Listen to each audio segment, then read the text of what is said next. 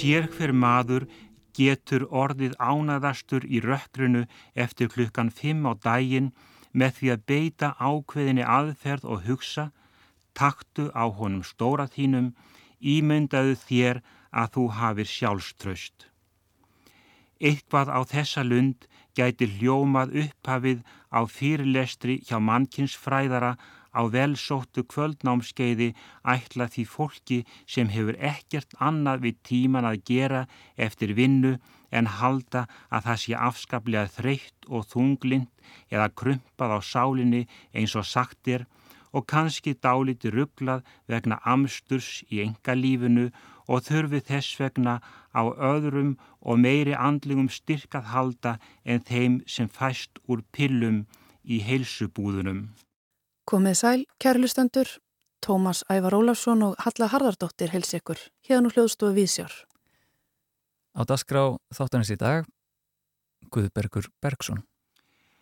En því miður er þetta ekki eitt af bjart sínisnámskeiðunum sem bjóða upp á auðveldar en því miður oft heldur gagslausar aðferði við það að öðlast haminguna í lífinu á einu bretti og fyrir fullt og allt fram á gravarbakkan og auðvitað fyrir enginn sem sækir þannig námskeið fíluferð í gröfina.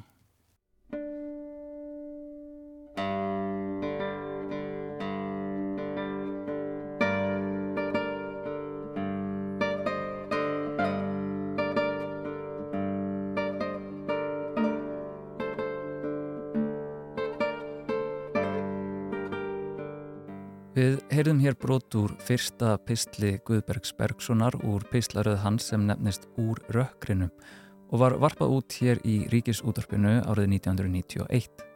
Dánarfreg Guðbergs fyrir í mánuðunum fór eflaust ekki fram hjá mörgum en hann verður jarðsungin í sérstaklega gjörninga aðtöfn í hörpu nú á förstu dag og í skuggadauðans tilengu við þennan þátt minningu Guðbergs.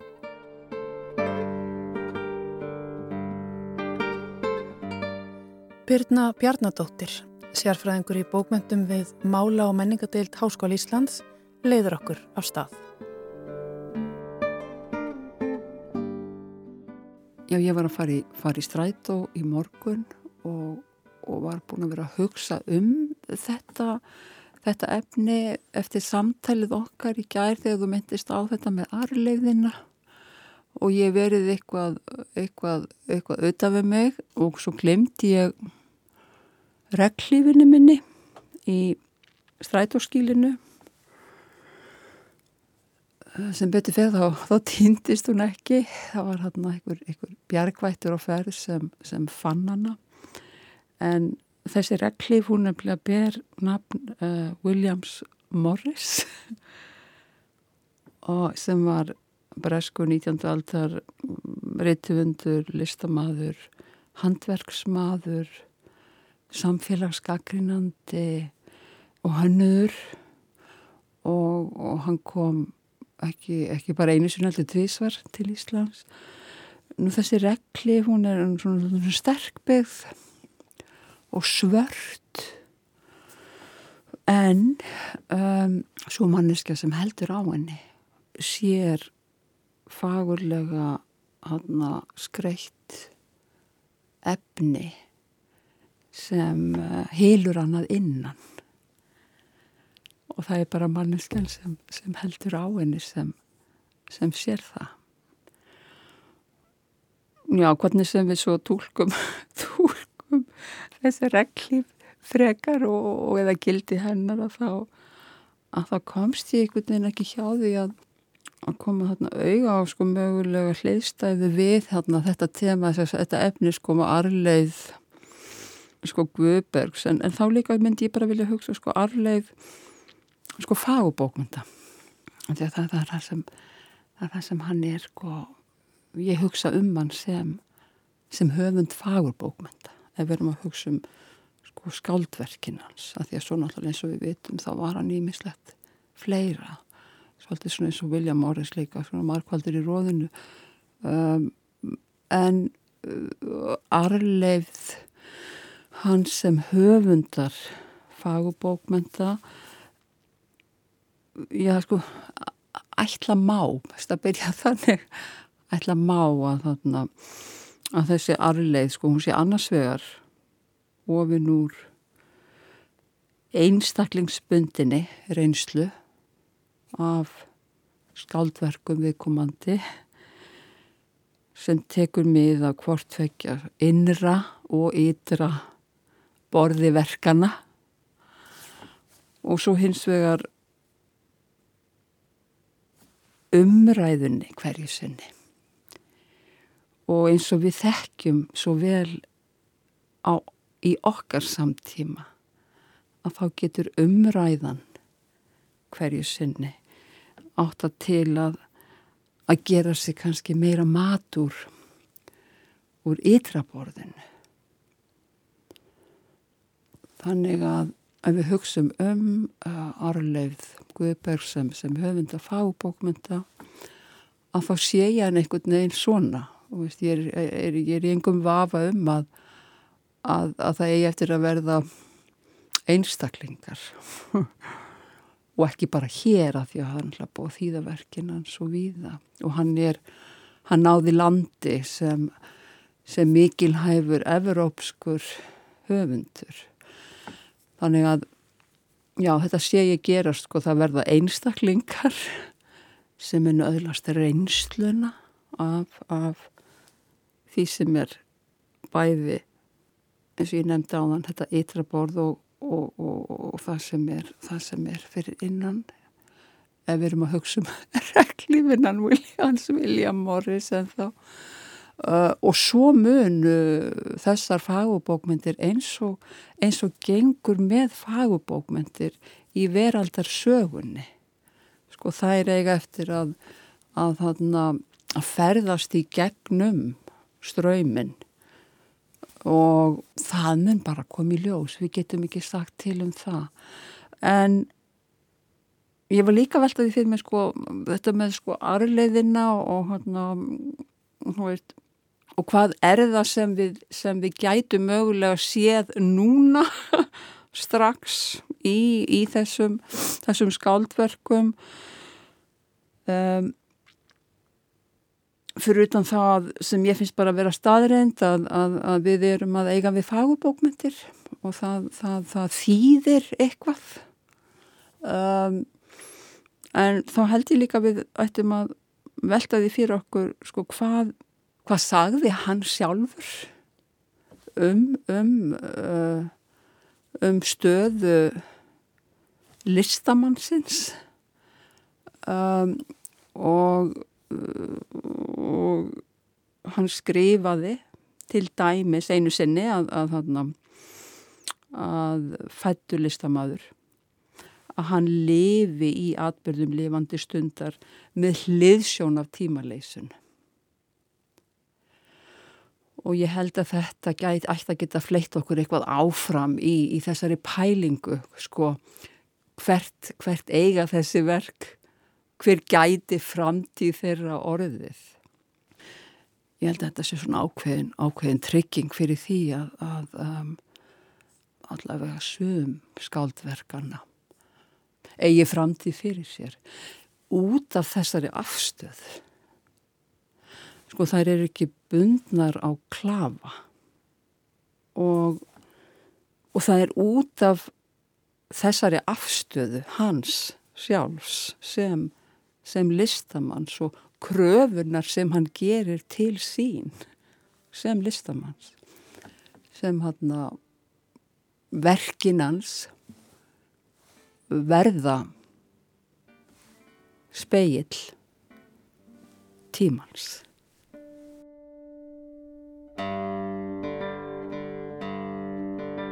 Ágætið hlustandi, nú spennum við upp reglífina og virðum fyrir okkur efni við henn. Hið innra og hið ytra í lífi Guðbergs Bergsonar og það fyrsta sem við sjáum er auðvitað Grindavík.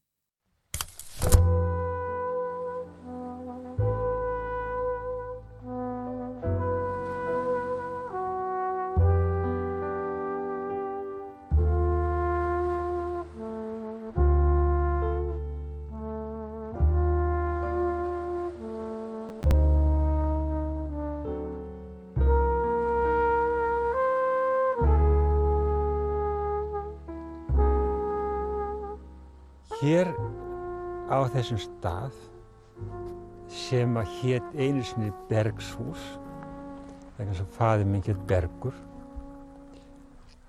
fættist ég og ég grenjaði hérna að litið í söð austurátt. Ég er einu maður sem er fæst í þessu húsi og einhvern veginn er það þannig að að því ég kem hinga þá finnst mér það að ég hef alltaf átt hér heima. Ég skinnja andurslóftið, landslægið, samt hef ég aldrei lært nöfnum kennileiti hér. Ég er ekki maður kennileita, ekki áþreifanleira kennileiti, heldur kennileita sem einhver starf í hugan. Þess vegna kannast ég við það ef það kemur í svona andvæð til þess að hafi, þá mann ég eftir einhverju kennileitum í huganum ég finn einhverja innri lykt af fortíðinni.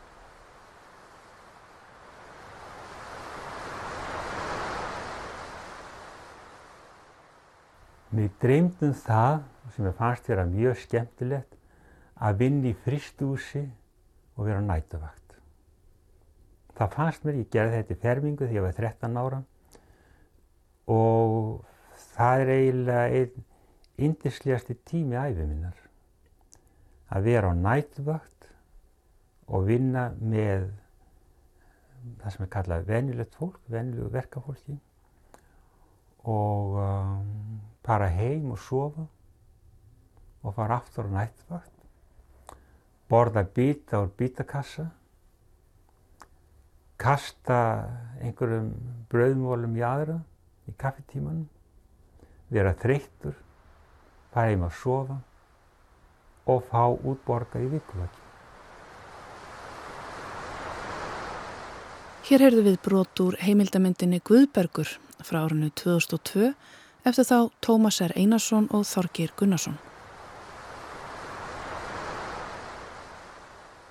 Já, sko, það er hérna í þessari, þessari hérna fínu sko, samtalsbók þeirra, þeirra Þóri Kristínar og Guðbergs þar sem hann talar talar svolítið um, um, um sinn, sinn heimabæ og hann er að hann er að gera svolítið sama, ekki beint samanbörð sko hann er að útskýra hvernig hann sér samleikingu með Grindavík, sinni Grindavík og, og Flórens Dantes. Og, og bara þetta teksta brot í, í, í, í þessari þessari samtalsbók sem hétt Guðbyggur Bergson meðsölu bók það átti eftir að verða mjög örlaðarikt sko fyrir, fyrir þennan, þennan, þennan lesanda sem, sem, er, sem, er, sem þú ert að tala við núna.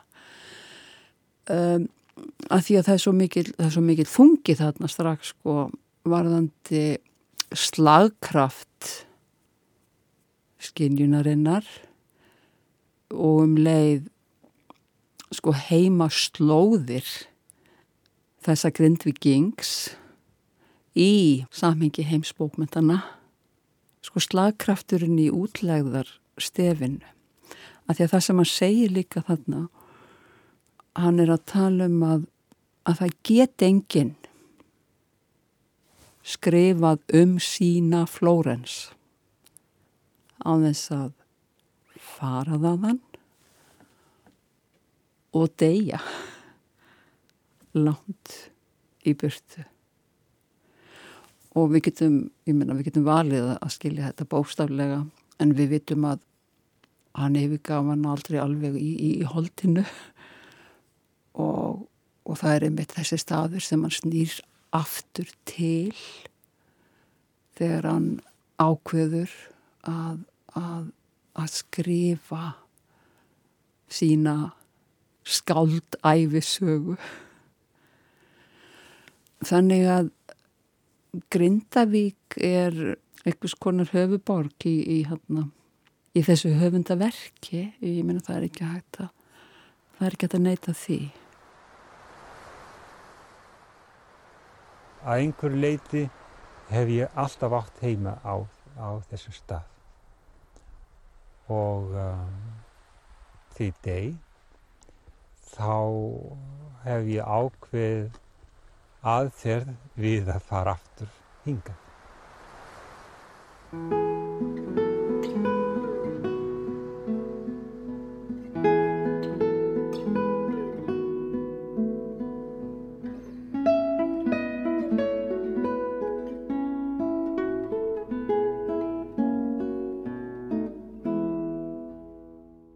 Það er sagt hvernig byrjaði þú að yrkja og höfundi segi kannski því að ég var 13 ára eða 12 eða 20 en það er ekkert að marka það menn, menn byrja að, að skrifa laungu eftir að þeir finna fyrir því sem að uh, er kent við skálskap.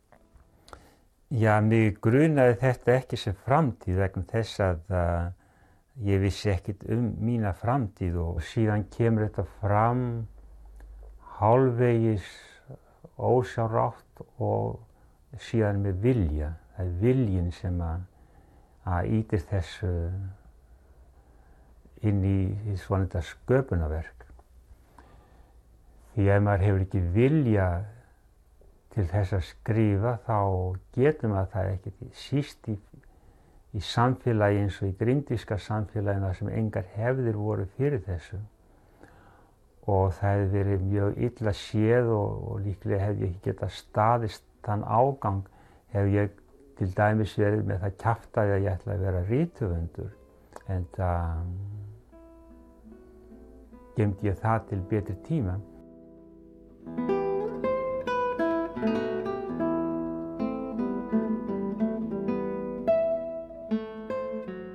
Viðar Eggertsson, leikstjóri, leikari og list unnandi, mætti andastöðuna á dögunum og rætti meðal annars ljóð úr fyrstu ljóðabók Guðbergs, Endur tekin orð, sem kom út árið 1961.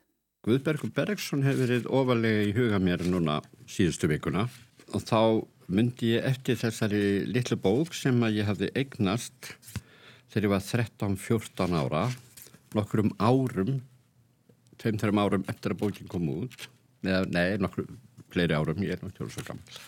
Hún kom út 1961 og þetta er fyrsta bók Guðbergs á samt leikfengum leiðans en þessi bók kom út í snoturum lillum bókaflotti hjá Helgafelli sem gaf út nýja höfunda þar á meðal Dag Sigurðarsson og Guðberg Bergsson. Þessi bók heitir Endurtekin orð og ég man alltaf þegar ég opnaði þessa bók að því að hún er stift hún sem mjög lítil og snotur og, og litlu broti þá er henni stift í þrjá kabla og fyrsta ljóðið í fyrsta kablanum sem heitir eh, kablin heitir Dimmur heiminn þá byrjar þessi hlut í bókarinnar á ljóði sem heitir Pestingin. Og þegar ég las þetta ljóð sem 13-14 ára unglingur þá bara, það gerðist eitthvað í lífið mínu, þá hætti ég að lesa Ísland farselda frá ólun og öll hinn skólaljóðin sem að, maður hafði verið allin upp á og fór að lesa nútímaljóð.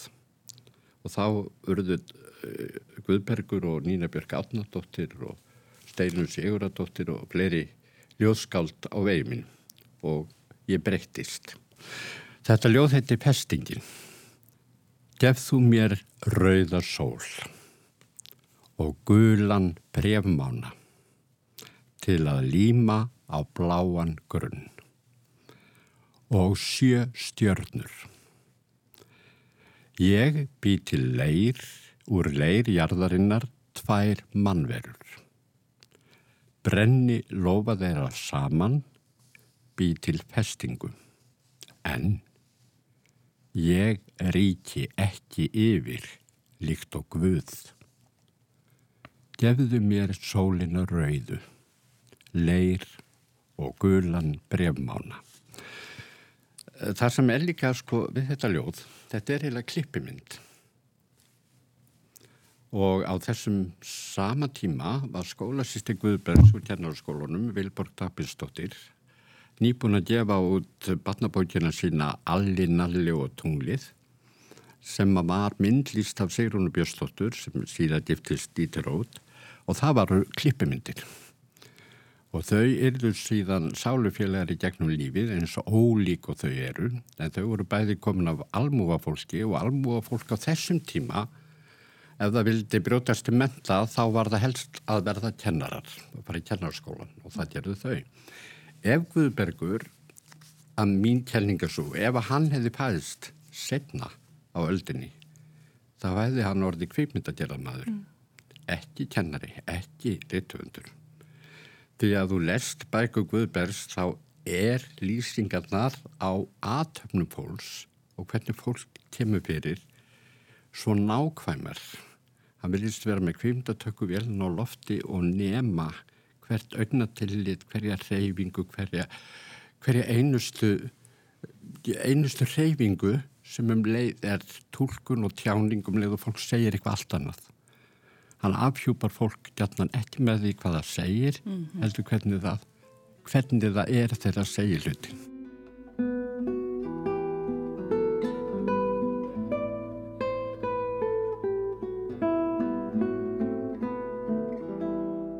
Tómas Jónsson Metsilubók kom fyrst út árið 1966 og þykir tímamótaverk í íslenskum bókmyndum og gerðnan er talað um hana sem fyrstu móternísku skáldsögu þjóðarinnar.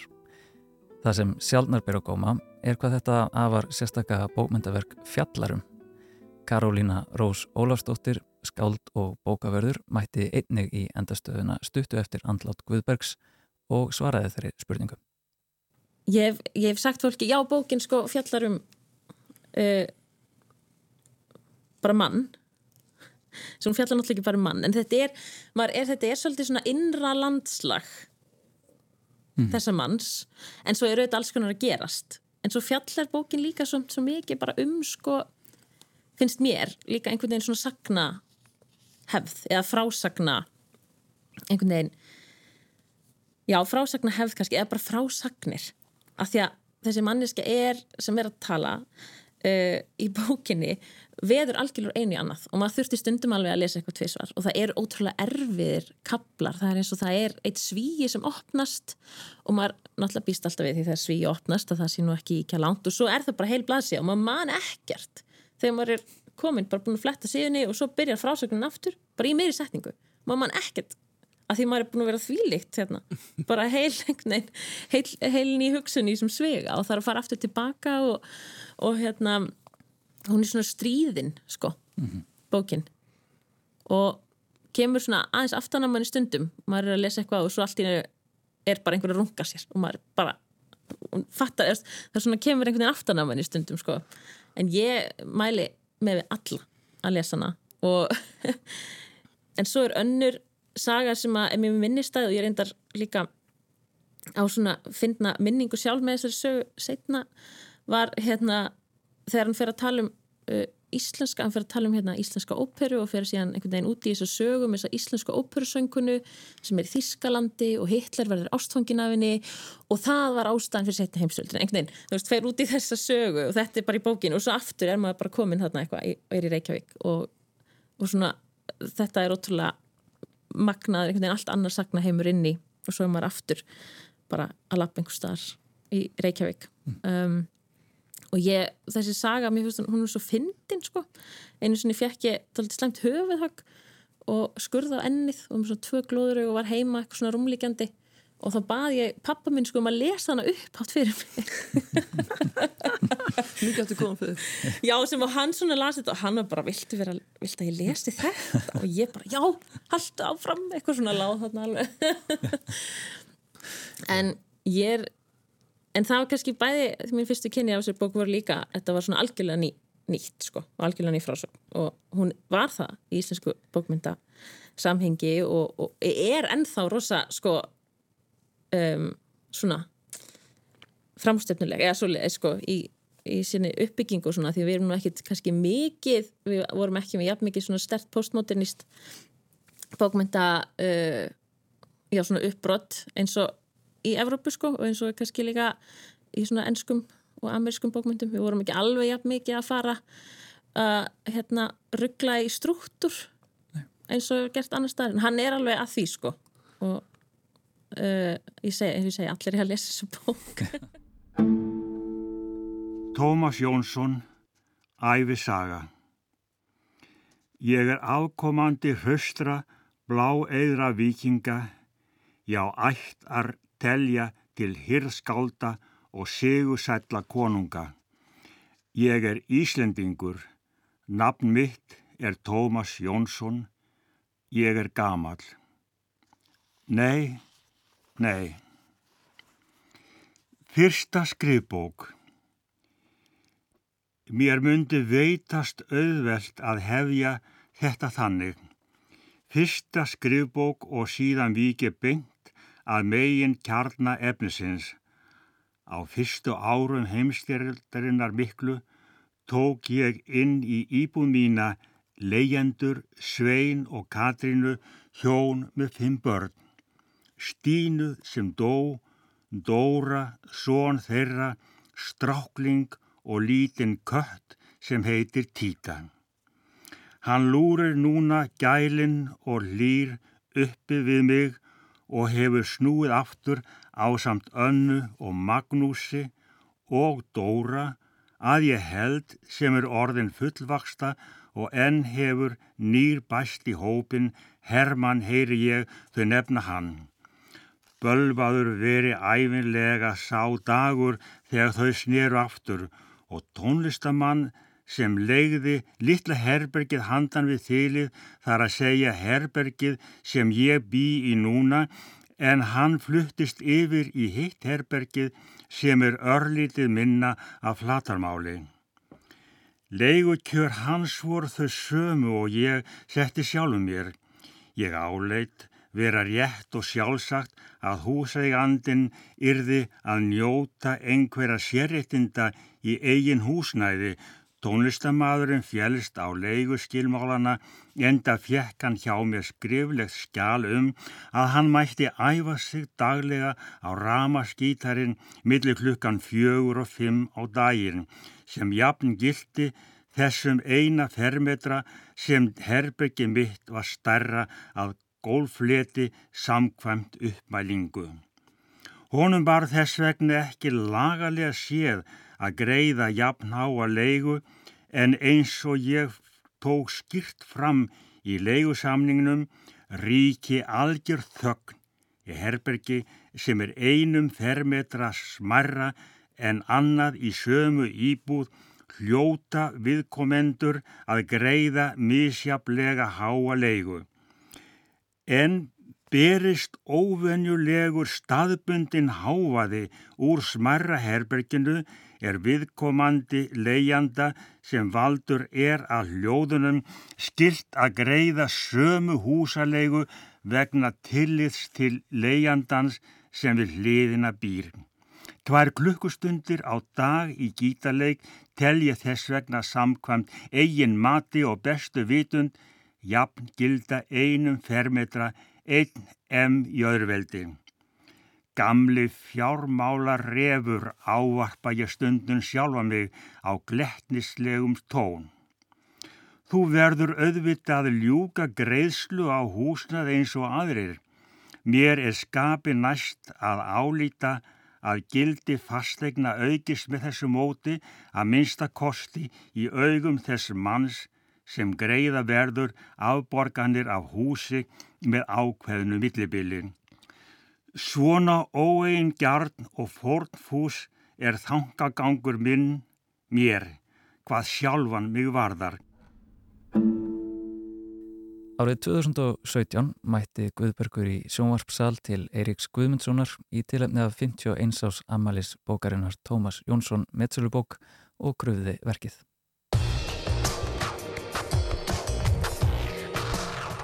Sko, þessi bók uh, vakti auðvitað mikla aðtigli þegar hún kom út árið 1966 menn skrifuði bæði velum hana og yllum hana, margi voru nextlaðir, svo voru aðrir yfir sig hrifnir. Hvernig, uh, hvernig lítur þú á þessa bók núna, þessum, þessum árum síðar? Hvað er hún fyrir þér? Ég lít þannig á þessa bók eða því ég var að lesa hana þá leiti þannig á hana að þetta væri, það eru tvær personur í eiginlega íslenski bókumyndasögu og það er uh, Bjartur í Sumarhúsum og svo er Tómas Jónsson. Tómas Jónsson er nútíma íslendingurinn. Það er, einn fornlega gamla bygging er í bjarti, en rugglingurinn og kjáttavallinn og, og sambland af öllu þessum hræringi, viðspunna og, og vittlissu og annað þínu, það er íslenski nútíminn, hann er í Tómas Jónssoni. Mm. Þannig að það er eiginlega aðeins tvær sterkar personur í Íslingu bókmyndasögu sem eru annars vegar Bjarti Sumarúsum og svo Tómas Jónsson. Mm.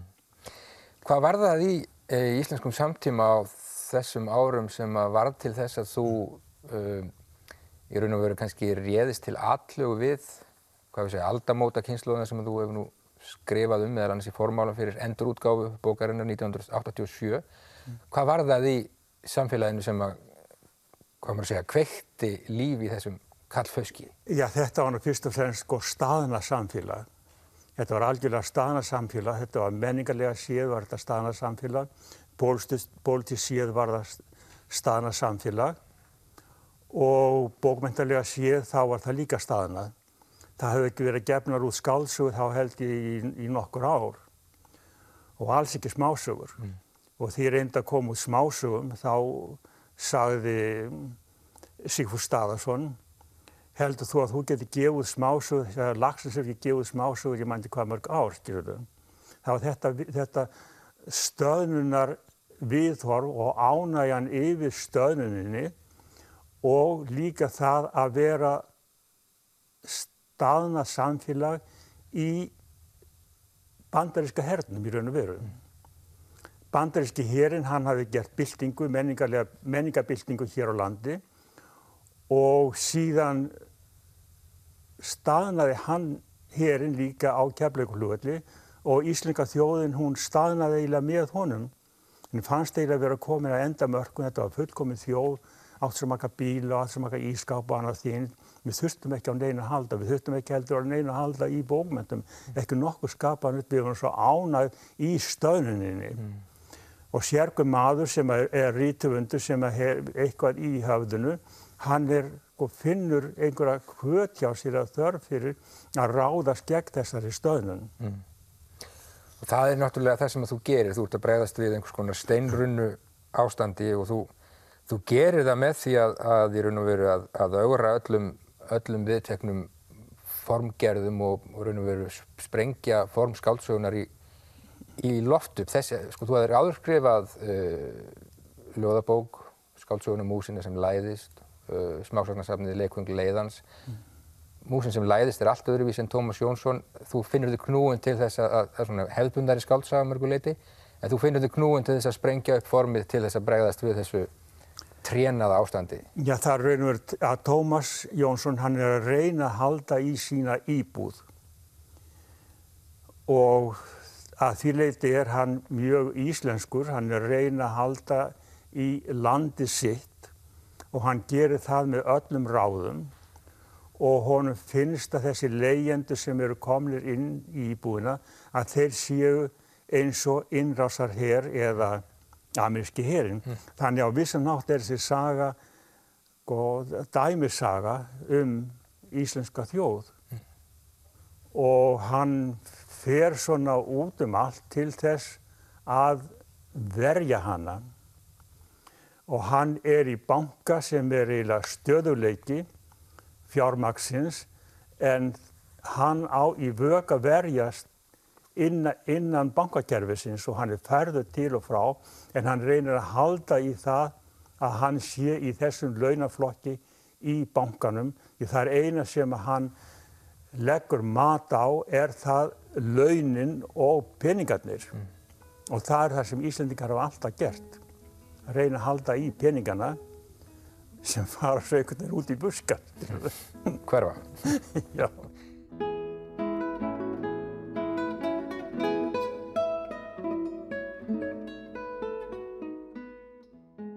Eftir hann kom út að þá íhugaði Guðbjörgur alvarlega að að segja skili við bókmyndirnar og ástæðan mögulega svo að, að, að flóðbylgjan það var áttist í stað ykkur einhver flóðbylgja áhrifin voru þannig.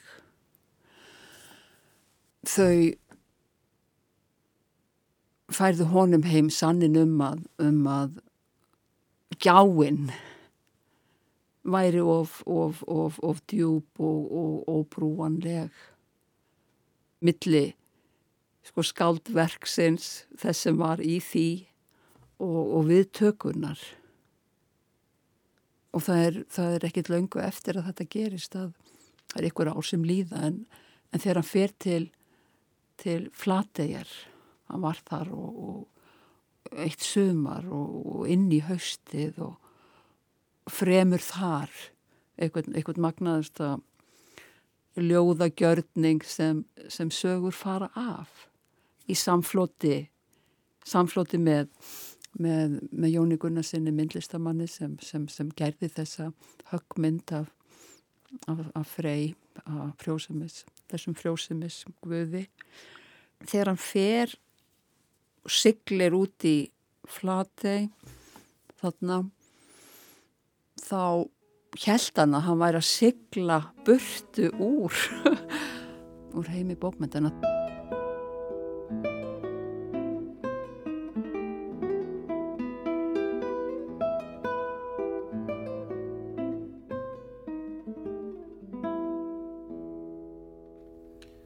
Ljóð ort flateyjar frey sem Jón Gunnar Árnason hjó í tré.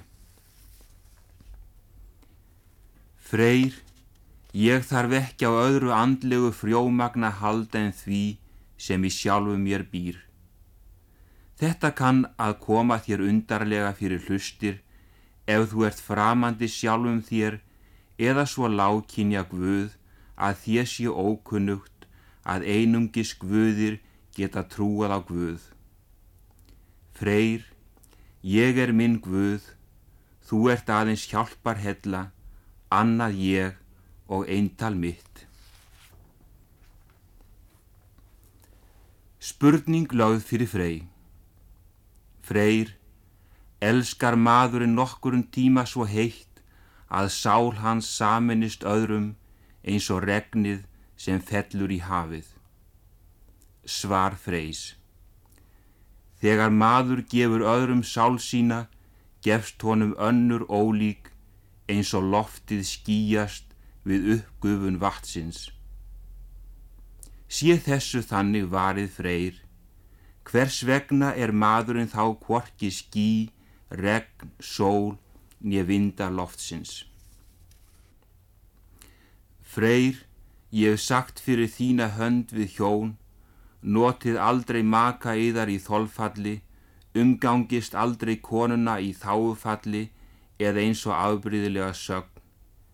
Lítið aldrei á börn yðar í eignarfalli, vegna þess að heimurinn og allt sem í honum er og andadregur er eðlis rétt í nefnifalli, falli tignarinnar, falli ástarinnar.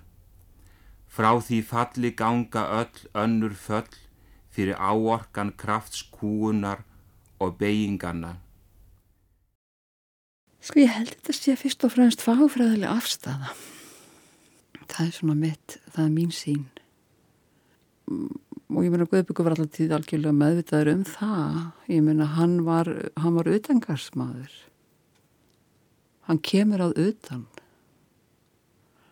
Og hann er ekki hrættur við neitt.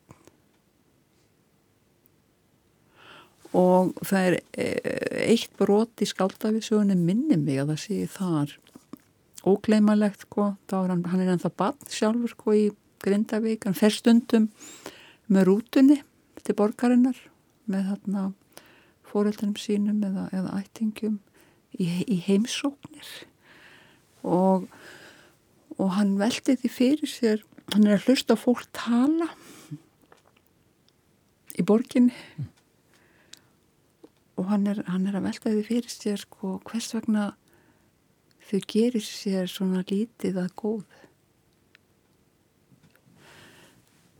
Þannig að sko ég held að ég held að hann hafi ég held að hann hafi verið ekkit endilega mjög gamal þegar hann uh, byrjar að þróa með sér ómeðvitað uh, ákveði sjónarhorn sem felur setna í sér engan vennjulegan slagkraft. Þetta er það sama og, og gildir um, um, hérna, um poet, poetíska hérna, uh, heimsbygginga á borfið hérna, Sören Kierkegaard á 19. öld og, og, og Nietzsche sko. það er hver er dýnamíkinn hvaðan sérð þú hlut mannesku eða heiminn eins og hann talaði svolítið um?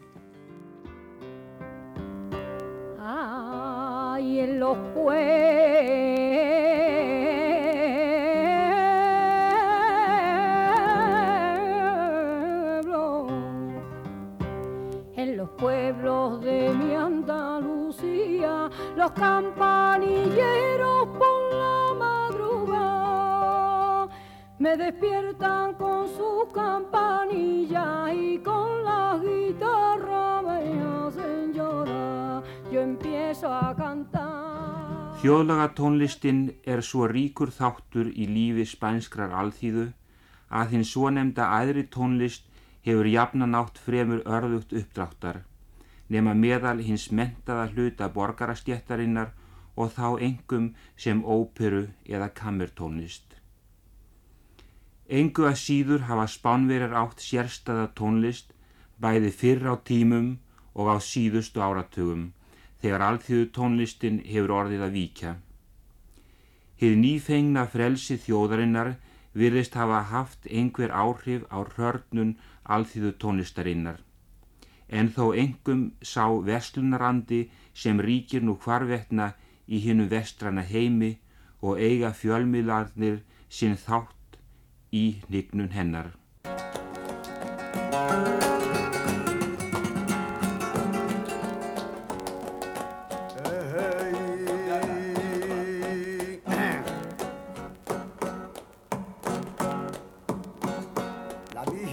Caminando, va caminando solita y no lleva más compañía aunque el niño la barriguita. Que no lleva más compañía que el niño la barriguita.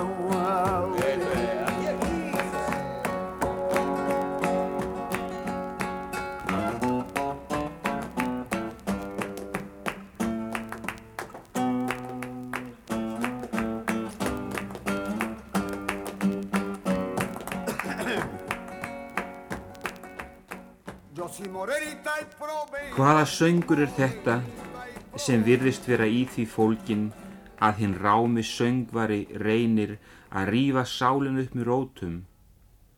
Það er engu líkara en söngurinn hyggist kasta sálinni úr þjáðum munni framann í hlustandan. Þessi söngur er hinn svonemdi flamengo söngur. Hann er söngur djúpsins. Þessi stríði söngur er næstum engum söng líkur. Hann á varla sína hliðstæðu. Rattbönd söngvarans er eins og soðin í víni. Það er engu líkara en rattböndunum hafi verið velt upp úr ríki þjóðvegana. Þjáningin likur um þau og úr lungunum berst öll þjáning og ángist hinn að sólbrendu jarðar. Sierra morena.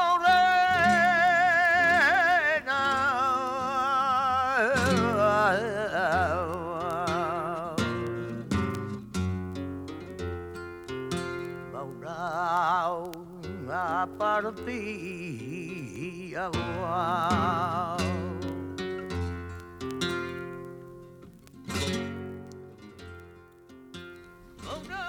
Í flamengo tónlist ræðist söngvarinn á tónana. Söngvarinn ræðist á sjálfan söngin með samblandi af undirgefni og uppreist. Og milli hinna anstæðu abla, uppreistnarinnar og undirgefninnar finnur söngvarinn listrænt jafnvægi. En jafnvægið er aldrei tryggt. Það ríkir hvorki kyrð eða kvíld. Allur unaðurinn er í uppreysninni og voninni. Þetta er ekki uppreysn í þeim skilningi sem kjarabaráttu maðurinn leggur í orðið uppreysn og vonin er síður en svo hinn falska von um hið óbreytanlega þúsund ára ríki sem bóðað hefur verið manninum úr pretikunar og þingstólum. Nei, vonin er bara þessi kannski óbaráttu glada von sem vinnur þó alltaf stærstu sigrana og hjartað elur og hún hefur ekkert sérstakt form eða lögun. Enda er það hennar eðli að taka á sig ímsar myndir og vera hvarvetna einnig þar sem vonleysið er mest. Og uppreysnin beinist fremur að manni sjálfum en öðrum, uppreysnin rís gegn uppgjöfinni.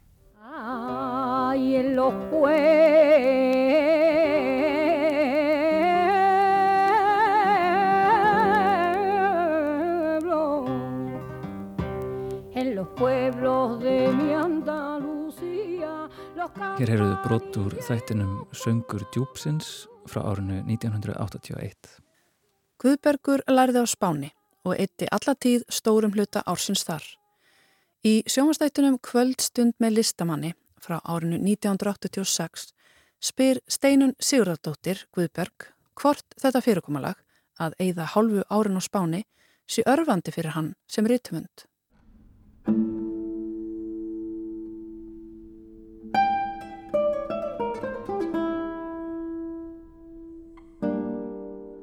Já, vissan átt vegna þess að þegar maður fer til útlanda þá skiptir maður um umhverfi. Ef að Ísland væri fjölbreytilegt þá þýrti maður í raun og veru ekki að fara til útlanda. Maður gæti fara til hveragerðis og endur nýja sig þar. Ef til þess að væri góð söfn í hveragerði, ef það væri góð hótel, ef það væri ódýst að, að búa þar, þá gæti maður endur nýja sig. En höfundurinn hann er á vissan hátt eins og hérna akur. Þegar jarðrætti stundu þá er akurinn, ekkur hluti akursins er ræktaður eitt árið, síðan er hann látin kvílast og annar hluti akursins er þá tekin í ræktun. Og eins er að þegar maður fer til útlanda, að þegar ég fer til útlanda þá skil ég vissan akur eftir heima og fer til útlanda og rækta annan akur minn þar og að þessu leiti er það afar örfandi að fara til útlanda. Auðvitað sem að maður sér ímislegt í útlandum eh, sem maður getur ekki séð á Íslandi. Og maður sér líka sjálfa sig í öðru, nýju ljósi. Og það er það góða við ferðarlaugin að maður hérna, getur skoða sér ekki aðeins byggingar og eitthvað. Því hún lít heldur skoðan maður sjálfan sig um leið og hann góði ferðamadur hann fer í sjálfskoðun miklu fremur heldur en að fara að sjá hallir og hann að þínlíkt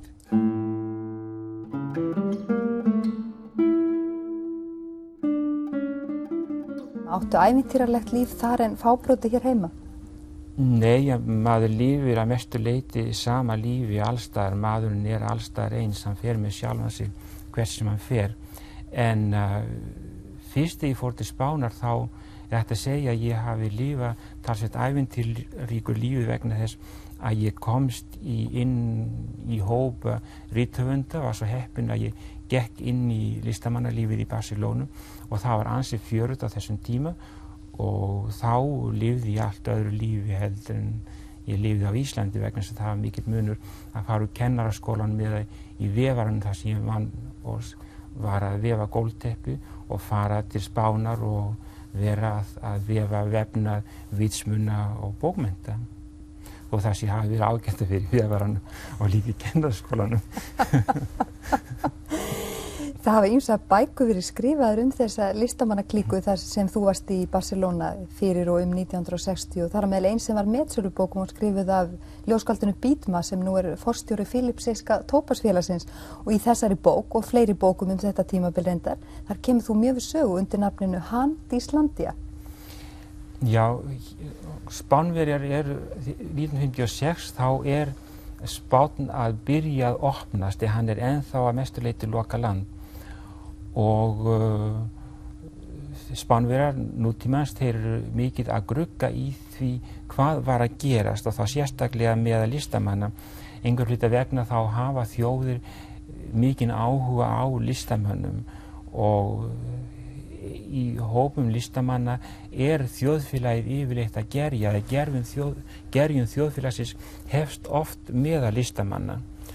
Og þarna líðin 56 þá legðum við hús þarna trí saman ég og, og Spánveri sem hafi verið útlægi í bandaríkjónu, hafi búið þær í 20 ár og svo Ameríkumadur sem kom frá háskólan frá Brandeis University. Og við legðum saman hús í Barcelona ofalega það sem að kalla El Budget og það sem að skaldin höfðu í raun og verið engan gríðastað og þá söpnuðust þau á þennan stað. Og þess, þetta hús var mjög frækt í sögunni, í menningarsögu spánar. Stendur svona upp í fjallslíðu? Já, stendur upp í fjallslíðu fyrir neðan fræga fjall Tibidabo og við vorum þarna og sem sagt að hegða okkur eins og listamenn hegða sér og það er aldrei fáranlega en engar síður vísmunarlega og, og kjánarlega vegna þess að í kjánaskapnum er ofta afskaplega mikið vit og eiginlega viti það hefst á kjá, kjánaskap hreinum og ómenguðum kjánaskap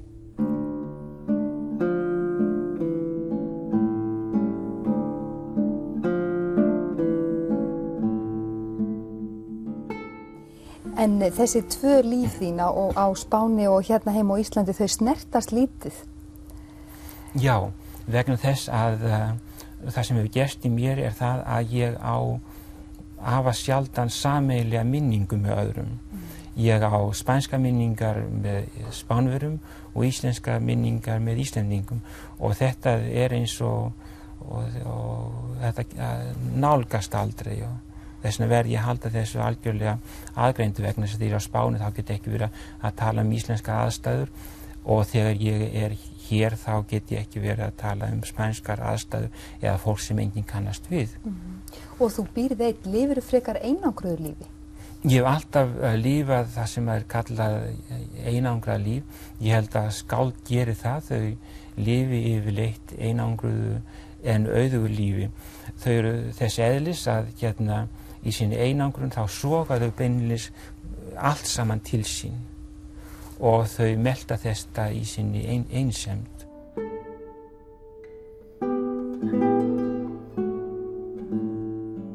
Já, amma mín hún hérna, ég fættist á Ísóskála sem fyrir utan Grindavík á milli Kísuvíkur og Grindavíkur og þar fættist ég og, og, um, og það hafði afskaplega mikil áhrif á mig sérstaklega amma mín, það er svo verið sem að amman sé eiginlega móðir skáldana miklu fremur en móðinni sjálf. En amma mín hún var ekki mikið fyrir það að segja sögur en hún var afskaplega mikið fyrir blóminn og þau hafðu gífurlega mikil áhrif á með blóminn og þá sérstaklega fegur blómana sem er uh, afar hverful. Og í mínum bókum kemur fram fólk horfir bara á ljótleikan en, en í mínum bókum er yfirleitt fjallað um hverfuleika fegurðarinnar en það sem fólk er mjög afar blind á fegur nema fegur hvern fólks þá hérna sé það bara ljótleikan sem sagt að þegar að hverfuleikin hefur eiginlega orðið til þess að, að, hérna, að ljótleikin verður allsráðandi